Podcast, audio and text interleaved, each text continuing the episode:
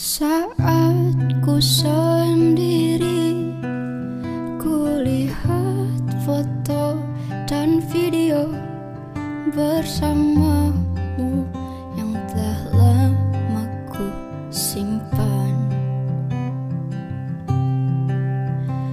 Hancur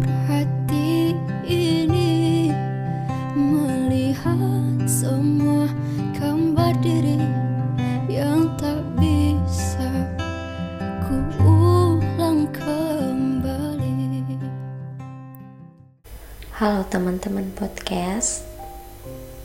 Kali ini aku mau kalian dengar curahan hati aku aja. Kalau kalian sama denganku Mungkin kamu akan ikut terbawa perasaan Tapi jika kamu tidak seperti di posisiku Mungkin kamu akan merasa gak enak dan diserang rasa takut. Jadi Khusus episode ini Aku mau mencurahkan isi hatiku yang ingin ku sampaikan ke sosok malaikatku, orang terkasihku di dunia ini, sampai pada akhirnya dia meninggalkan dunia ini dan merubah urutan orang terkasih yang ada di dunia ini. Iya, ibuku yang mana aku akrab memanggilnya Mama. Mama yang dulu selalu kupanggil seratus kali per hari, aku memanggilnya saat bangun. Aku memanggilnya saat gak lihat dasi sekolahku. Memanggilnya lagi kalau udah mau berangkat dan minta uang jajan. Kembali aku memanggilnya saat pulang sekolah karena lapar Aku memanggilnya di setiap harinya. Sungguh-sungguh sangat berat saat nama itu asing lagi di mulutku untuk diucapkan. Aku suka nggak percaya kalau keadaan yang paling aku takutkan dulu menjadi kenyataan di hidupku. Orang yang mengenalnya telah mengenangnya sebagai orang baik Katanya, mamaku selalu senyum kalau ketemu orang-orang. Katanya, mamaku gak pernah sombong di titik apa pun dia.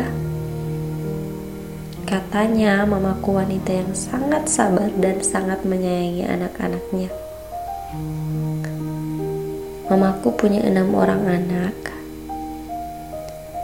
Tiga anak pertamanya laki-laki, Kemudian baru aku lahir di dunia ini sebagai anak perempuan pertamanya. Dari kecil aku selalu diceritain sama mama. Katanya dulu dia pengen banget punya anak perempuan. Sampai akhirnya aku lahir. Kasih sayang yang aku dapatkan darinya sungguh luar biasa. Dia menjadikanku wanita spesial dia membelikanku baju-baju cantik. Dia memperhatikan penampilanku. Dia membuatku merasa menjadi wanita tercantik. Bukannya aku tidak ikhlas dengan keadaan ini, tapi aku hanya rindu. Aku rindu semua itu. Aku ingin kita keseharianku ke dia. Aku mau ngeluh di pelukannya, dan aku rindu melihat wajahnya. Dan jika bisa, aku mau bilang begini ke dia. Ma, sekarang aku udah gede. Aku udah tahu cocokin warna baju dengan jilbabku. Aku udah tahu caranya nyapu, aku udah bisa cuci piring. Aku kadang rajin belajar kadang juga malas banget. Ma maafin aku ya karena selalu nggak nurut sama mama. Suka marah-marah kalau disuruh. Ada aku di sini selalu doain mama ada di tempat terindah sekarang Mama jadi cantik lagi. Mamaku yang cantik. Aku rindu dan aku sayang mama.